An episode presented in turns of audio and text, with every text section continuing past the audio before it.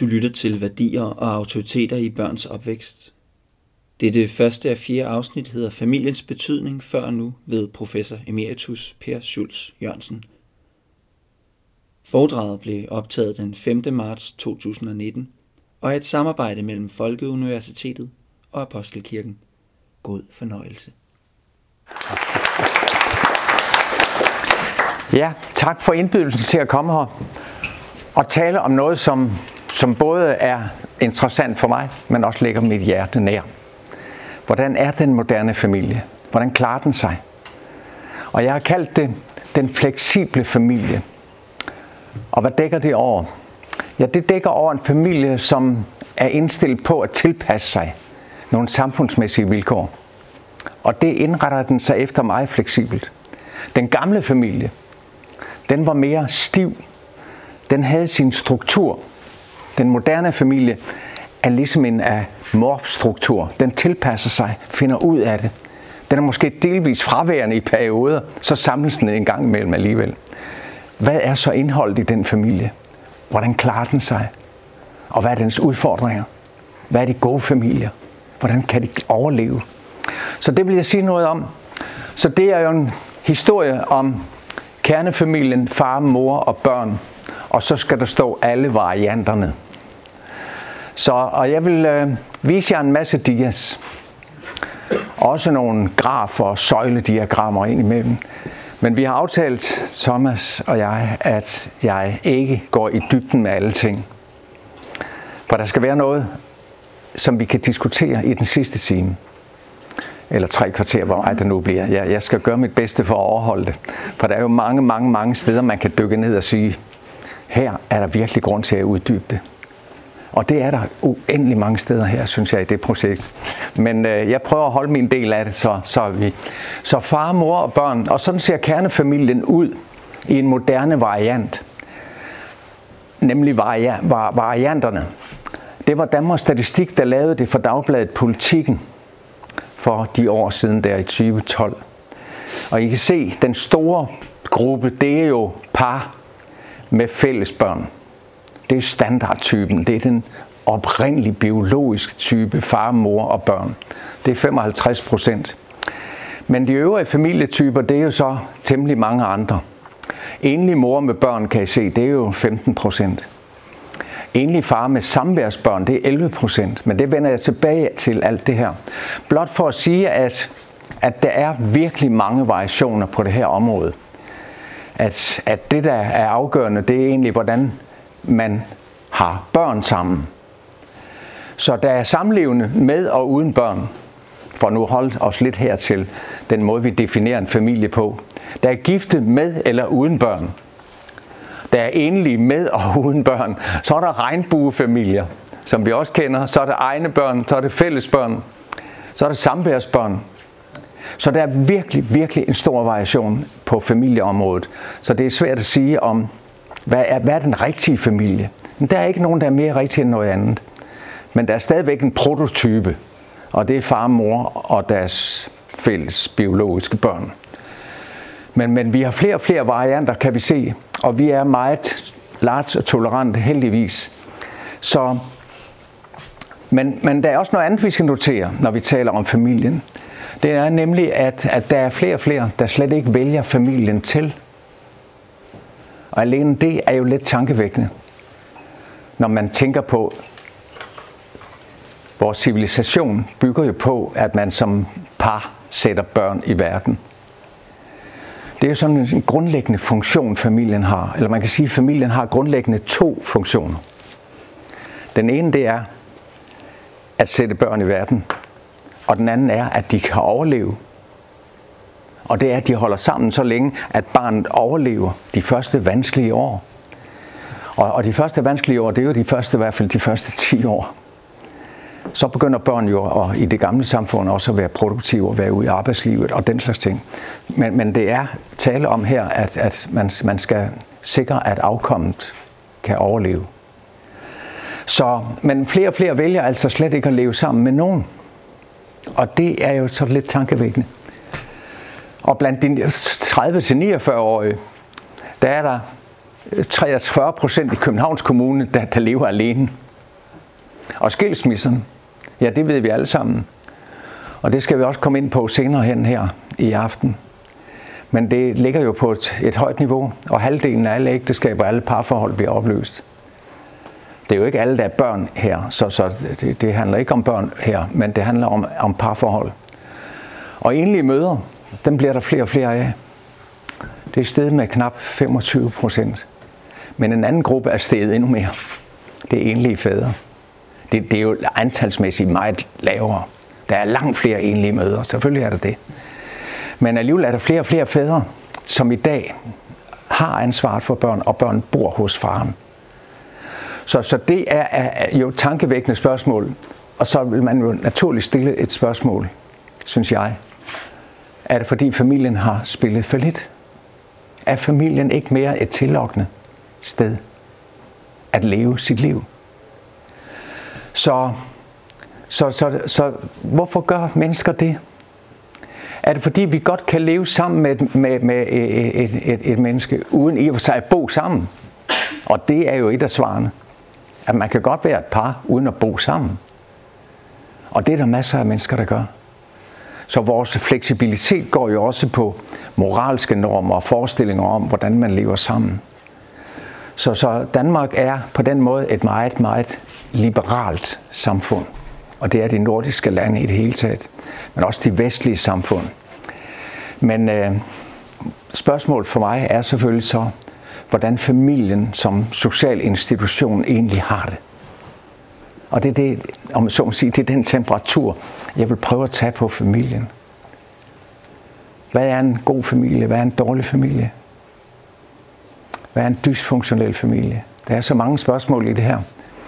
Og, og jeg gætter på, når jeg ser ud over forsamlingen her, at mange af jer har jo også relation til mange andre familier end jeres egen. Som pædagoger måske, eller hvad I nu er. Så derfor møder I også familier, som, som har helt andre vilkår. Så hvordan har familien det i Danmark?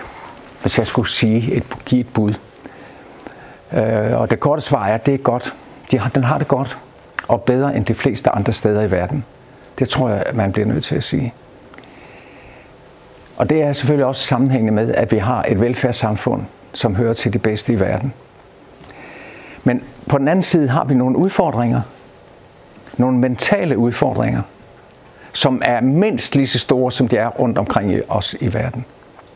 Fordi vi lever i et andet type af samfund, hvor den enkelte er stillet over for meget store udfordringer. Og vi har nogle folkesygdomme, og en af dem er depression. Og det skal der jo sådan en forklaring til på, hvorfor har vi det? Og hænger det sammen med, at man vælger familien fra, lever alene, er mere udsat? Eller er familien ikke i stand til at være det værn, den skulle være om, om mennesker, deres eksistens er den tryg og bygget op i et parforhold i vores samfund? Eller er det noget andet, der er på spil? Så, men man kan sige, at familien og, og har det bedre i Danmark end mange andre steder i verden, ikke mindst i kraft af vores velfærdssamfund og familiepolitik osv. osv. Øh, børnepolitik. Men lidt mere nuanceret siger jeg så altså, familien har det anderledes end før. Hvordan? Forældre, der arbejder rigtig meget. Man kan sige, det har mennesker jo altid gjort. Men der er noget nyt her, nemlig at småbørnsmøderne er ude på arbejdsmarkedet. Det er det, der er det revolutionerende. 0-5 års børnsmøder, det kommer jeg tilbage til. Men forældre, der arbejder meget, og børn, der er institutionaliseret. Hvor børn i det gamle samfund var inddraget i de voksnes arbejdsliv. De gik til hånden allerede for de var fem år. Og vi skal jo helt op til omkring 1900-tallet, før det begynder at ændre sig. Så historisk set har børn været inddraget i arbejdslivet. Men derefter skete der noget. Op igennem 1900-tallets første årtier. Så i dag er børn ikke sammen med voksne, de er sammen med børnefællesskaber. De lever i børnesegmenter eller børneghettoer, som nogen lidt kritisk kalder det. De er sammen med jævnaldrende. Så, så vi har en helt anden kultur, nemlig herunder altså også mange nye familiemønstre. Og vi har en, en ændret børnekarakter. At børn er langt mere udadvendte, som det er sagt, børn er retorienterede. som radaren på et skib, der pejler rundt fra nær og fjern. Børn orienterer sig ud i en social verden, ligesom alle vi andre også gør. Så de er socialt udadvendte børn. Og så har vi en relativt stor risikogruppe. Og så siger du, hvor stor er den? Hvor mange risikobørn er der? Ja, da jeg i sin tid lavede en, en vurdering og en analyse af det for Socialministeren, der var der omkring 15-20 procent af børnene, af Danmarks børn, som har det tungt, som er trængt, som er belastet på den ene eller anden måde. Så, så derfor er det, er, det er, man kan sige, familien, og, og vi alle sammen har det godt i Danmark, men vi har det også anderledes, og vi er også presset på nogle punkter og udfordret. Så spørgsmålet er, hvordan kan vi gøre det bedre? Jeg tror, en af forklaringerne er det, at vi lever jo i en helt anden verden. Vi lever i en opbrudstid. Og jeg tror, vi skal forklare det måske ved at sige, at de store paraplyer er borte. De store paraplyer, der engang vælvede sig over os. Store paraplyer. En arbejderkultur, en landbokultur, middelklasse dyder og borgerlig moral, troen på væksten og troen på fremtiden. Alle disse store livssammenhænge er klappet sammen. Det blev det i 60'erne, 70'erne 80'erne. Det bliver det den dag i dag. Og nu lever vi i et helt andet samfund. Det individualiserede samfund. Hvor de store paraplyer, der engang vælvede sig over os, de klappede sammen. Her skal du klare dig selv. Herover der handler det om lydighed og gør, som der bliver sagt. Traditionen. Religiøse forhold. Ejendomsforhold. Alt muligt. Bandt det sammen. Herover der skal du klare dig selv. Fra lydighed til ansvar. Du skal selv kunne tage ansvar for dit liv. Og det øjeblik, du ikke kan det, ryger du ud over kanten. Så mister du perspektiv og mister livsmod. Og miste livsmod kalder vi her i vores samfund for depression. Eller en angstdiagnose.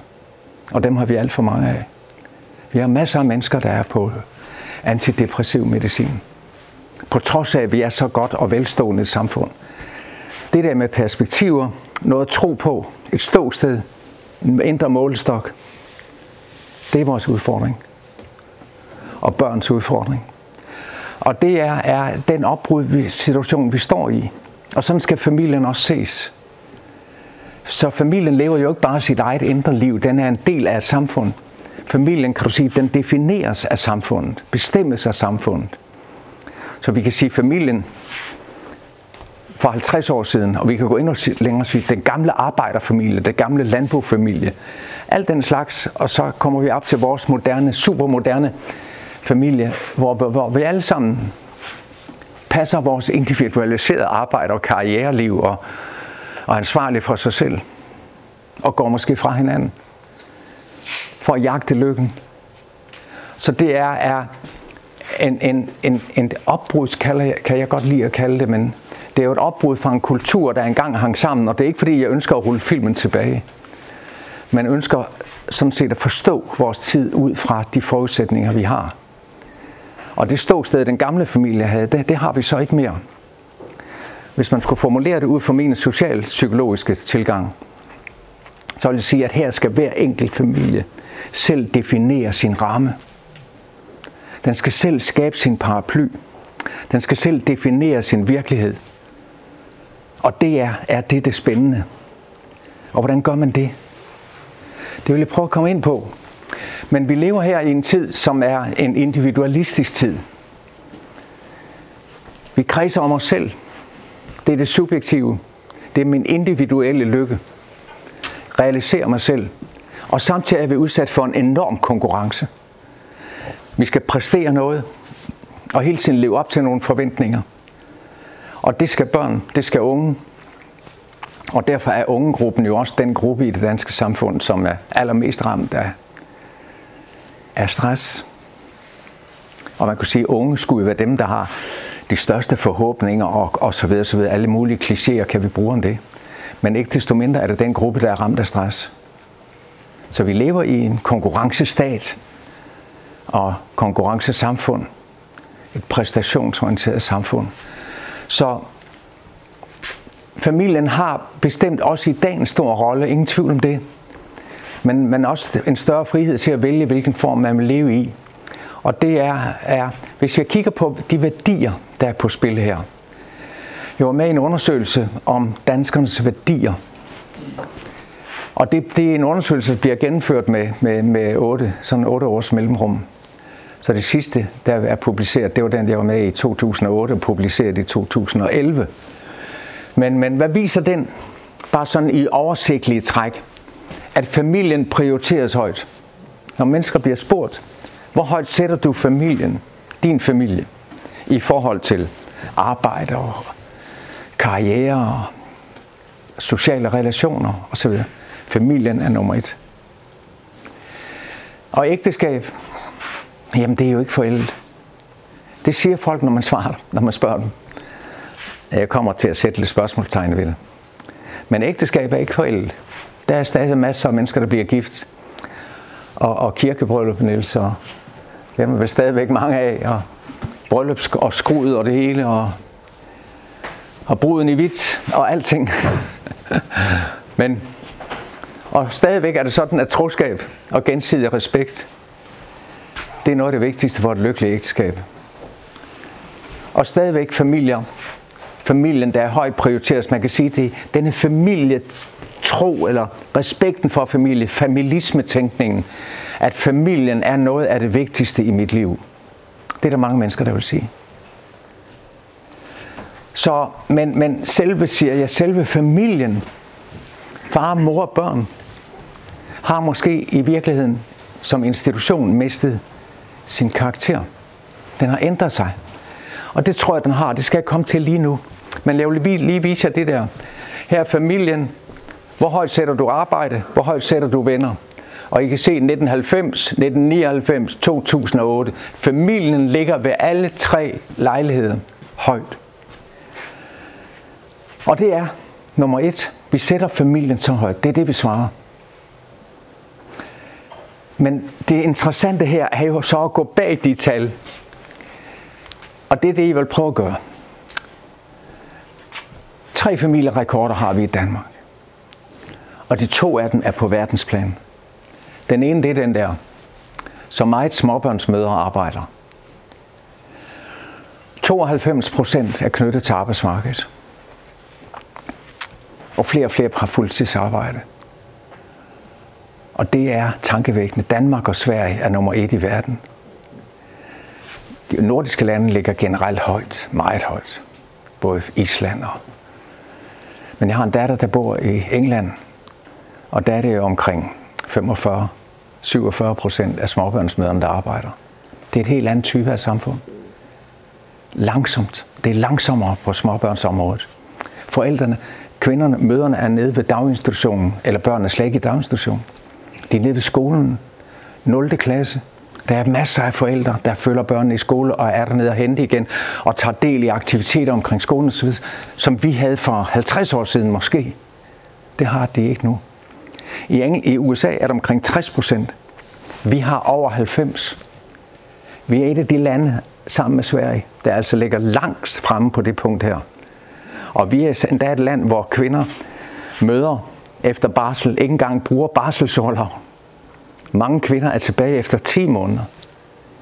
Så meget trækker arbejdet i dem. Den anden rekord, vi har, det er så meget børn passes i institution. Der har vi også verdensrekord sammen med Sverige. 100 procent i børnehaven. Og så er skilsmisser.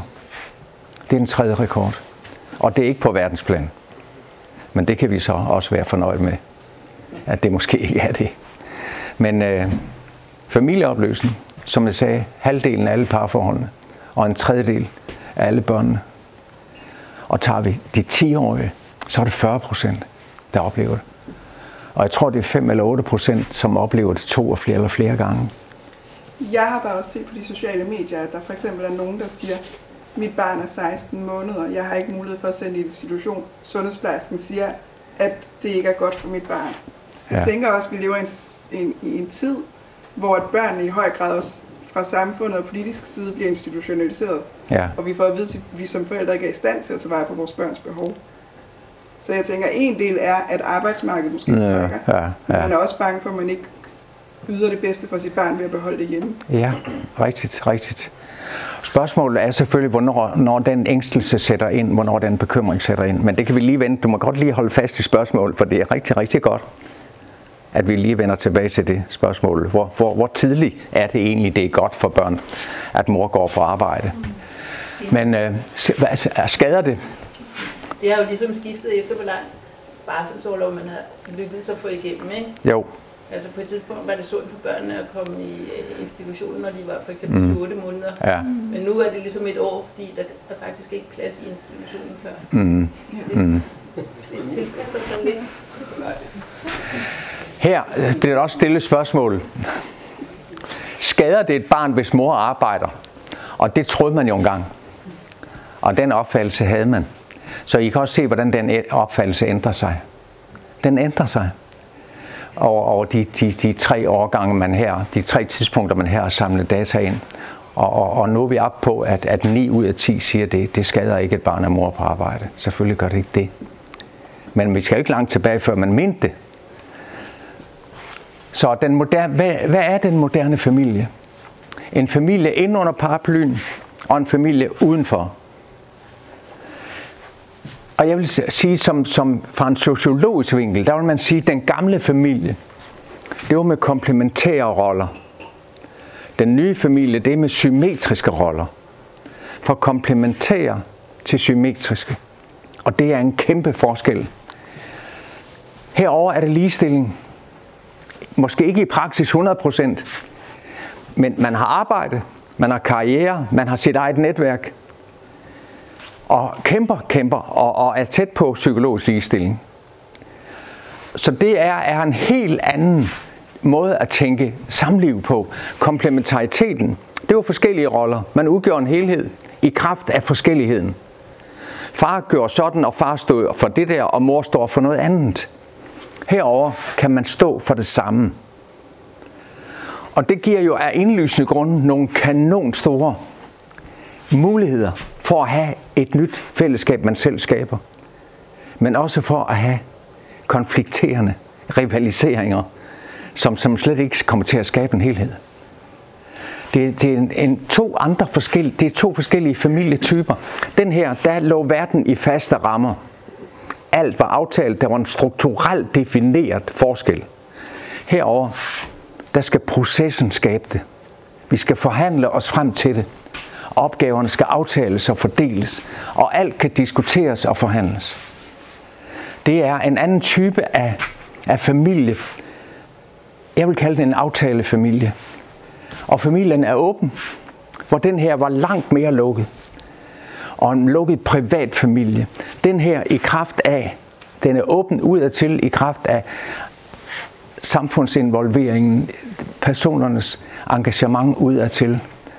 Så, så forskellen er sociologisk set helt oplagt. Men den herover var jo også baseret på et ægteskab. Og man levede i et ægteskab, og det var en langtidskontrakt, som holdt eller ikke holdt. Men den var baseret på en kontrakt, at det her skal holde indtil døden og skiller ad. Herover lever man i langt højere grad i et parforhold. Også selvom folk siger, at vi prioriterer ægteskab stadigvæk. Men det er ægteskab forstået som et parforhold. Og hvad er forskel på ægteskab og parforhold? Jamen det er, at parforhold det lægger vægt på intimitet og nærhed og lykke. At det er min mening, at jeg skal finde lykken og kærligheden, og den skal vare. Det skulle den ikke her. Herover var det en kontrakt om, at det skal vare ud i høj, den horisontale i det horisontale perspektiv. Herover skal det give os noget på det vertikale, ned i dybet af vores liv. Og det er en kvalitativ stor forskel.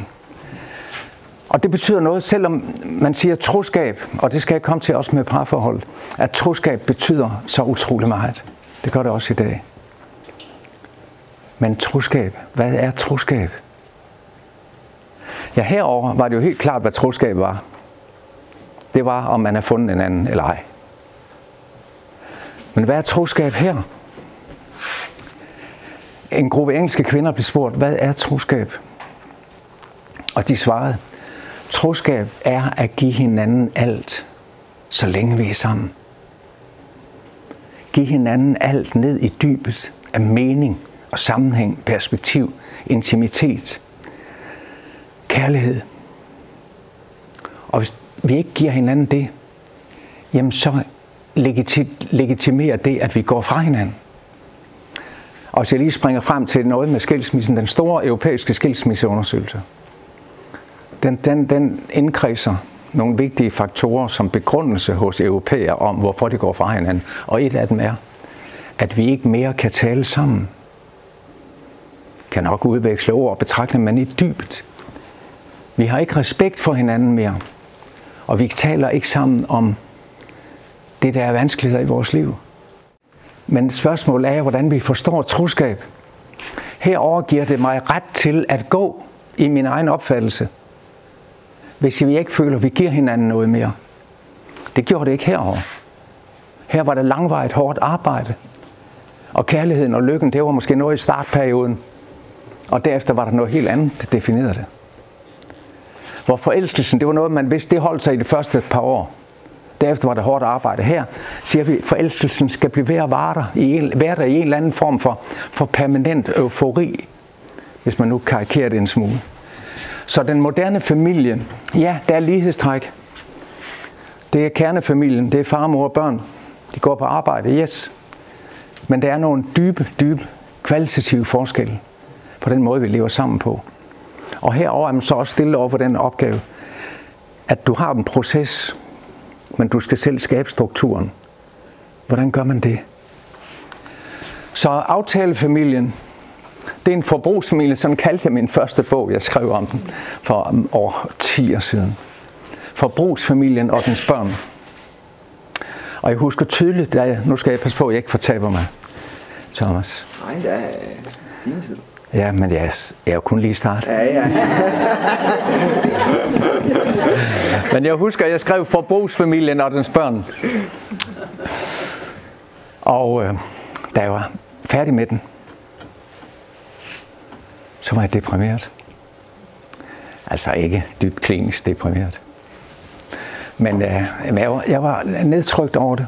Fordi herover her var fællesskabet en nødvendighed. Man var nødvendig for hinanden. Man producerede, det var en produktionsfamilie. Man bidrog, man skabte noget. Herover er man ikke nødvendig. Du kan gå, vi kan købe maden udefra, børnene på passe og så videre, så videre.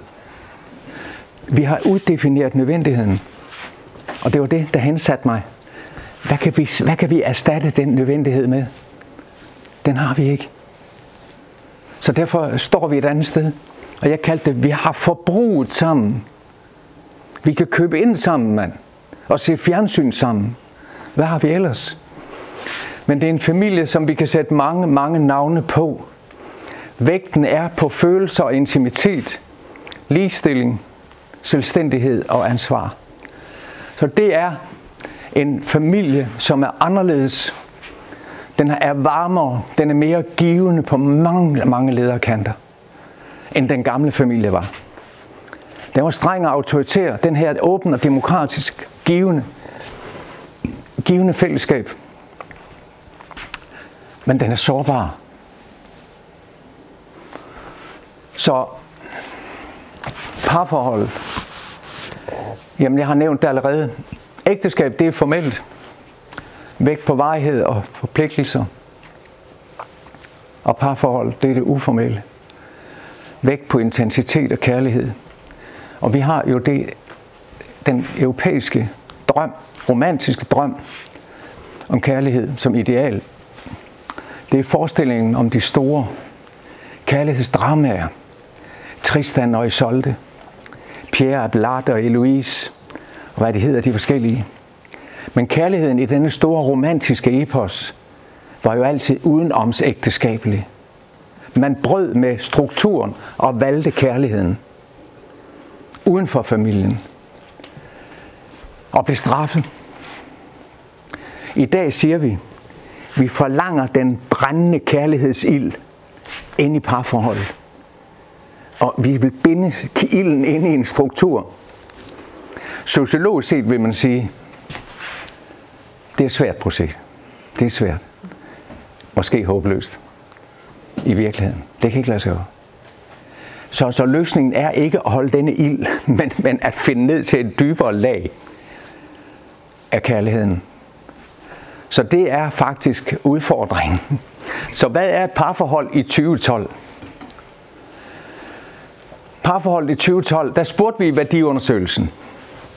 Det gode parforhold. Hvad siger mennesker til det? Jamen troskab, det spiller stadigvæk kanon stor rolle. Det er klart, det gør det. Måske både i den gammeldags betydning, at du ikke har fundet en anden, men også i den nye betydning af troskab, at, man giver, at det giver mening. At vi giver mening til hinanden. Og så skal vi derhen, at vi kan diskutere, ikke politiske diskussioner, men det er forkortelsen af, at vi kan snakke om det, vi har vanskeligheder med. Vores problemer. At jeg tør åbne mig for det. Vi ser forskelligt på det. Men, men øh, vi kan snakke om det, og vi snakker om det. Og ja, hvis jeg må indskyde sådan en lille fodnote, en af dem, jeg giver mig selv lov til. Jeg var med i en undersøgelse af forældre til børn med leukemi. Og det var Rigshospitalet, der havde lavet en undersøgelse, fordi deres nye familieafdeling skulle familierne ind og bo i forbindelse med genindlæggelser. Og vi fulgte forældrene, fra de fik den første diagnose. Interview efter interview. Og det jeg bare lige vil berette om, det var en mor, der fortæller, at de skal ind til genindlæggelse på fredag. Og nu er det mandag. Og hun sidder og venter på, at faren kommer hjem. Og han kommer sent hjem. Klokken bliver 10. Og hun venter på ham. Og så siger hun, vi skal snakke om det, vi skal ind til på fredag. Så siger han, ved du hvad? Ja, jeg har været tidligere op, og nu er klokken 10. Og jeg skal op klokken 6 igen i morgen. Kan vi ikke vente med at tale om det, til vi har været derinde? Og så sagde hun, og så vendte han sig om mod mig, og så sagde han, du tager altid sovende på forskud. Og det ved jeg, jeg gør, sagde hun. Det gør jeg. Det har jeg brug for. Og jeg forstår hende godt. Hun er offensiv i sin tilgang til angsten. Han er defensiv. Han lægger låg på, han udskyder, han distancerer sig længst muligt. Og mange af de parforhold her, de gik fra hinanden. Så derfor kan man sige, selvom om det er et parforhold, ja, øh, og man deler meget med hinanden, ja, men man skal altså også kunne nå ned til de dybe lag af det fællesskab, for at det giver mening. Og det er der, at kunne snakke om vanskelighederne, der har vi forskellige tilgange, og måske maskulin, feminin forskelligheder, men også mange andre typer af forskelligheder. Så, så, så her kan man sige, troskab og kunne snakke godt sammen. Det er de to vigtige ting. Vi har ikke spurgt så langt tilbage i det der med at have tid til venner. Være sig selv et godt sexliv, det kunne man jo godt tro i vores samfund, ville tordne fuldstændig op, men det gør det altså ikke. Så skilsmisserne, det er jo så det, der også er inde her. At man går fra hinanden.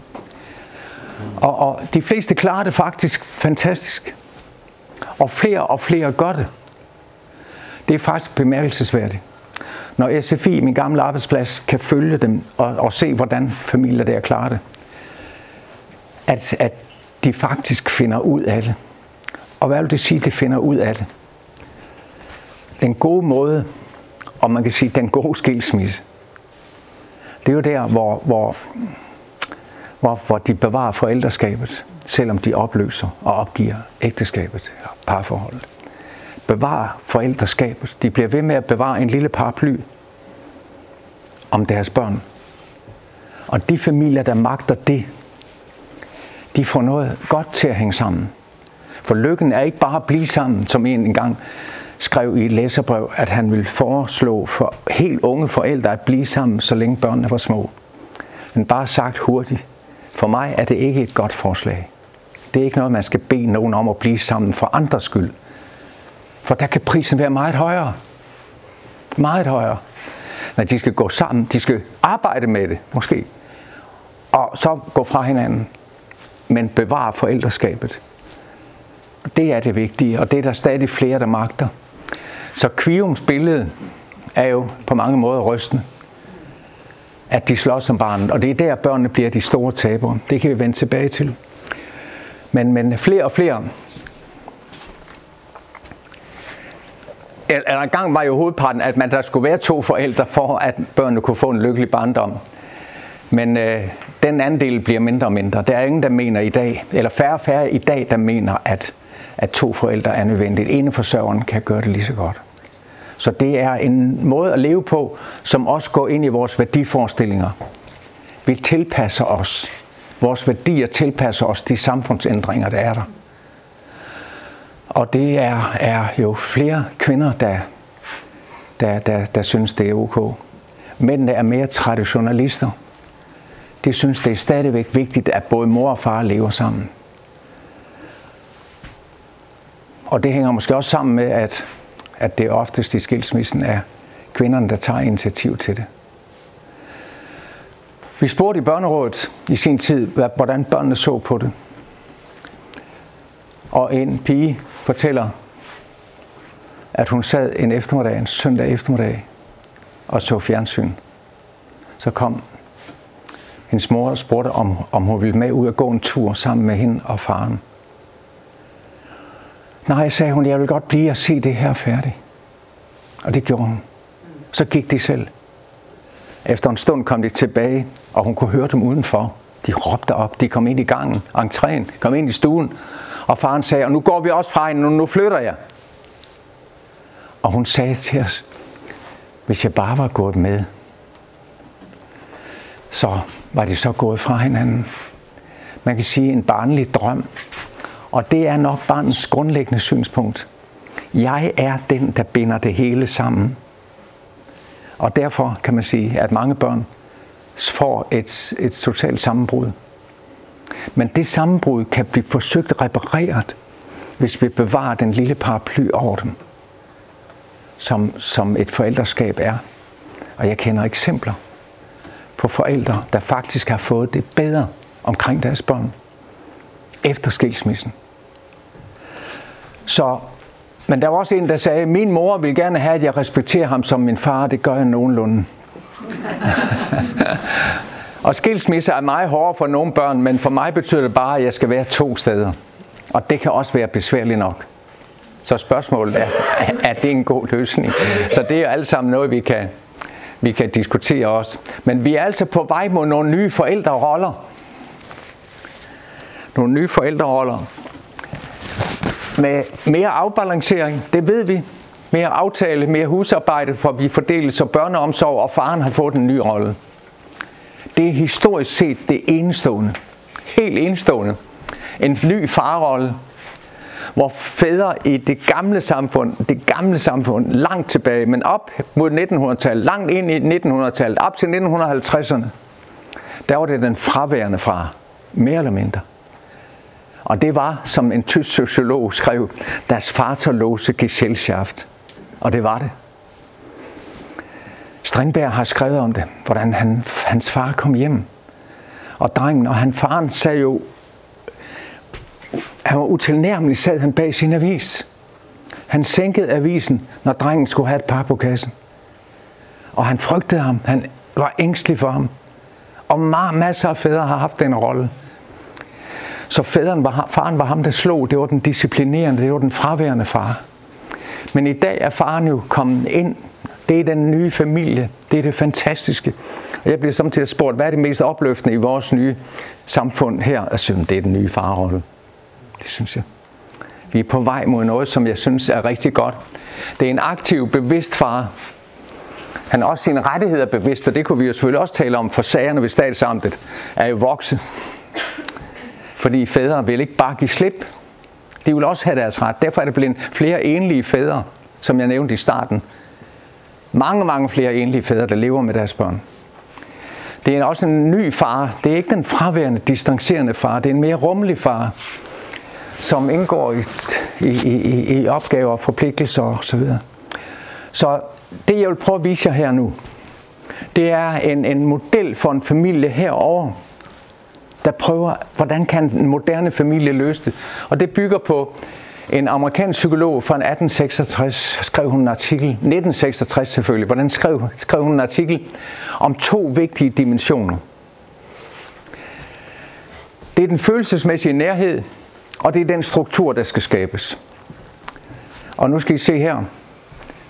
Der er struktur, og der er nærhed. Det er de to opgaver, alle familier skal løse, og gør det. Herover der spillede strukturen den helt dominerende rolle. Den definerede alting. Herover der kan man næsten sige, at nærheden definerer alting. Men der er jo stadig noget, vi skal definere med strukturen. Hvornår står vi op om morgenen? Hvem køber ind? Hvem henter eller bringer Mathias til børnehaven? Al den slags ting. Så der skal være en struktur. Det er en aftalestruktur. Den her var defineret ud fra samfundsforhold og klasseforhold osv. Her skal vi selv aftale den. Så den gule familie, det er den familie, som har meget struktur. Det er den gammeldags autoritær, og der er ikke ret meget nærhed. Det var den gammeldags familie. Det er den afmægtige. Der er ikke meget struktur, ikke meget nærhed. Det er den familie, der er ramt af sociale begivenheder. Langvej uden for arbejdsmarkedet. Misbrug. Dårlige skilsmisser. Psykiatriske lidelser i familien. Overgreb. Det er sådan set de fem klassiske lidelser, vi har. Og, og, og, og de hører hjemme meget, mere eller mindre dernede i den gryde der. Så den grønne, det er den tolerante laissez-faire familien, som, som har meget nærhed, mange krammer, meget varme, men strukturen, det flyder. Det er en flow, ind og ud. Så er den blå. Og der er meget struktur, og der er meget nærhed. Det er den proaktive familie. Det er den, der har styr på det. Man kan sige, at den blå er vinderfamilien, den brune er taberfamilien, hvis vi nu sætter de der lidt uhyggelige begreber på. Og så er der to sårbare familier. Så kan man sige, hvordan er de fordelt i Danmark? Og det kan jeg jo ikke svare på for alle, for det afhænger også af, hvilke aldersgrupper vi her taler om. Men jeg kan svare på det, hvad angår en aldersgruppe af børn i familien.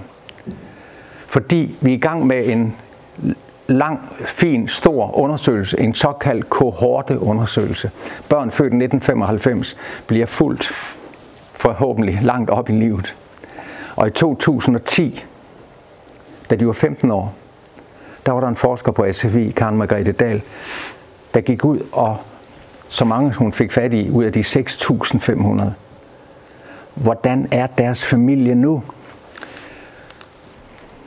De proaktive, de blå, vinder familien, det er jo 34 procent. Det er altså dem, der har en 15-årig.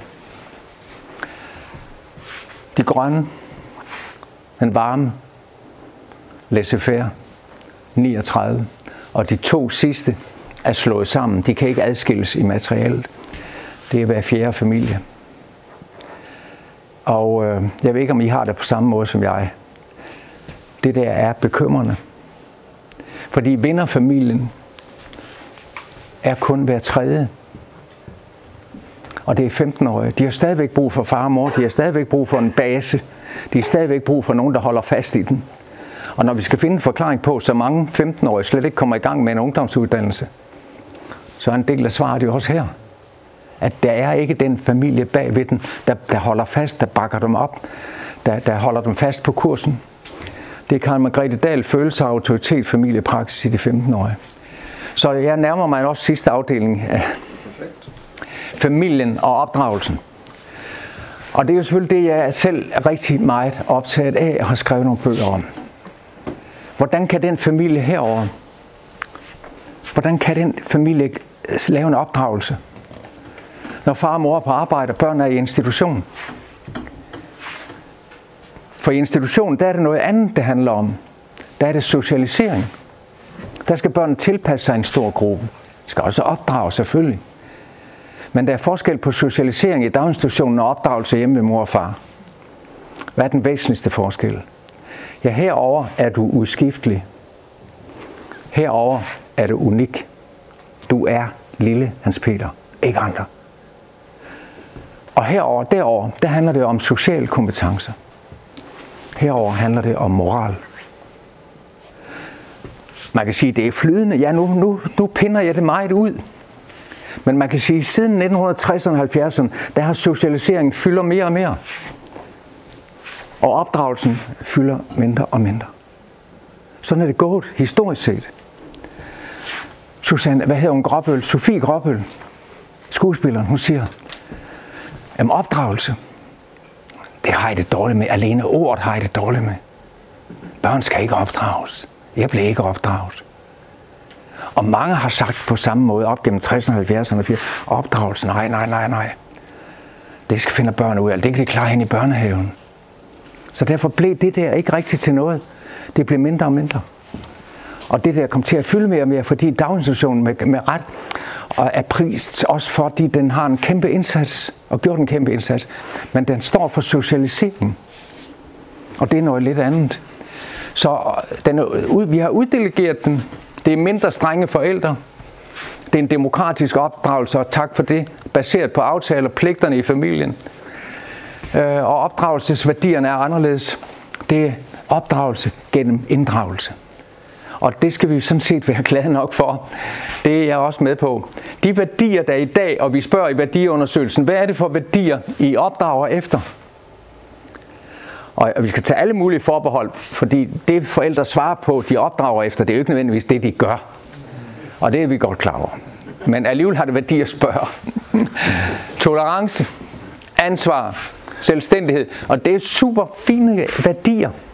Det er det.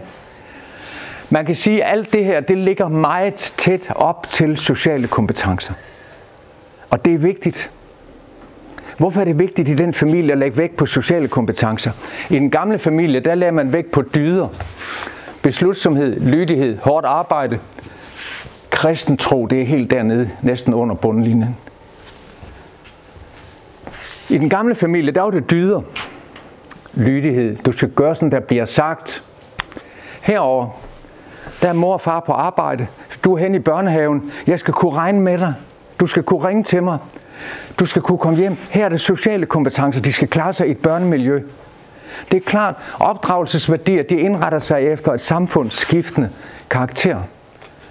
Så det, det er, øh, man kan sige, det, vi, vi relaterer os til de udfordringer, vi har. Så det, de, men det, der betyder noget herover, i den familie her, hvis vi skal lægge vægten på opdragelse her. For hvad er opdragelse? Jamen det er at drage op til værdier. Det er en dannelsesproces i forhold til noget, der ligger uden for mig, og som er større end mig. Og det er der, man kan sige, et forpligtethed indgår. Du har ansvar for rengøringen om onsdagen, og jeg skal ikke komme og hente dig. Det skal du selv have ansvar for. Det er denne enorme betydning, at, at man bidrager til et fællesskab og får betydning som menneske. Hvor du ikke bidrager, hvad så? Jamen så har du ikke en betydning. Du er et sødt menneske. Jeg elsker dig. Jeg elsker dig. Men du bidrager ikke. Du er overflødig. Du er ikke nødvendig. For et par uger siden var der en kvinde, der skrev en kronik i politikken, hun fortalte om sig selv og sin familie. Far, mand og tre børn. De solgte alt, hvad de ejede, og købte en 42 fod sejlbåd. Og så sejlede de over Atlanterhavet og jorden rundt. Da de kom til St. Martin, Karibien, der fik de barn nummer 4. og det gik ret godt. Men det hun fortæller om, det er børnene. Og hun siger, børnene fik betydning. De skulle stå til rås. De skulle vaske op. En skulle dykke, da barnevognen faldt over bord i St. Martins havn. Og det gjorde han. De bidrog, de fik betydning, siger hun. Og hun bruger det ord 10 gange, tror jeg, i den kronik. Så det var næsten som med ført hånd af mig, følte jeg. Men hun, hun, og så siger hun, så er vi kommet hjem, og nu bor vi på Østerborg. Og hvor er det svært. For nu flyder de i alle retninger, og livet fungerer anderledes. Det er den åbne, fleksible familie, hvor de er der, de er der, de er der, og vi får da købt fast food udefra og, og alting, og så er du der, og så er jeg i Roskilde, og hvad ved jeg. Det er en familie, der er svært ved at holde sammen. Men du skal selv beslutte dig for det. Og det er den proaktive familie, den blå familie, hvor børn har pligter. Som læreren sagde, jeg kan se på mine børn, hvem der har pligter. Det er elever, der tager noget af sig selv. Det er gået ind og blevet en del af dem. De har overtaget det. Præcis som Aristoteles sagde. Jeg skal lære lille Nikomaus, hans søn, at få et godt liv. At det gode skal ind i ham, og så skal han selv kunne vælge det gode. Det kommer ikke bare af sig selv. Det kommer ikke dumpende ned. Så det er pointen her.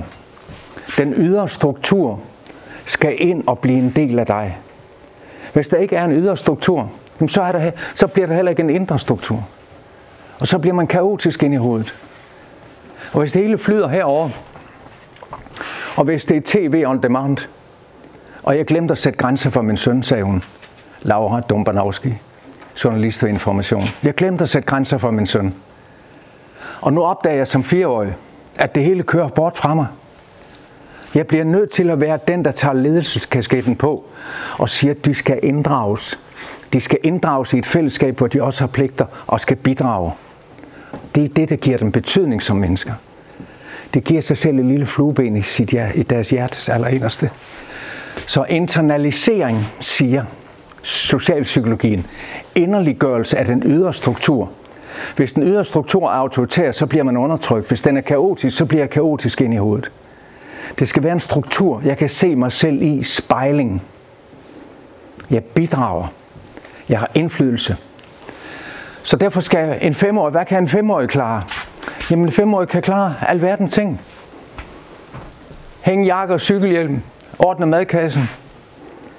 Jeg kan give jer en virkelig fin bog, øh, reference. Marie Kravl og Inger Lumholdt, og bogen hedder Børn skal da arbejde. Lige præcis. Kravl og Lumholdt. Børn skal da arbejde. Hun gav mig bogen ved et oplæg inde i politikens hus. Og, og hun sagde, jeg siger det samme som dig. Og her skal du have min bog. Så jeg har lavet noget sammen med en efterfølgende om, på det område her. Men hvad kan en femårig klare? Hvad kan en 10-årig klare? Smør af en madpakke? Ja, selvfølgelig. Deltage i køkkenopgaver, ansvar, ansvar, kunne give besked og klare aftaler. Og jeg vil bare sige, masser af mennesker skulle I lige køre tilbage. Jeg er fanget i en Cats 22, kan du godt se.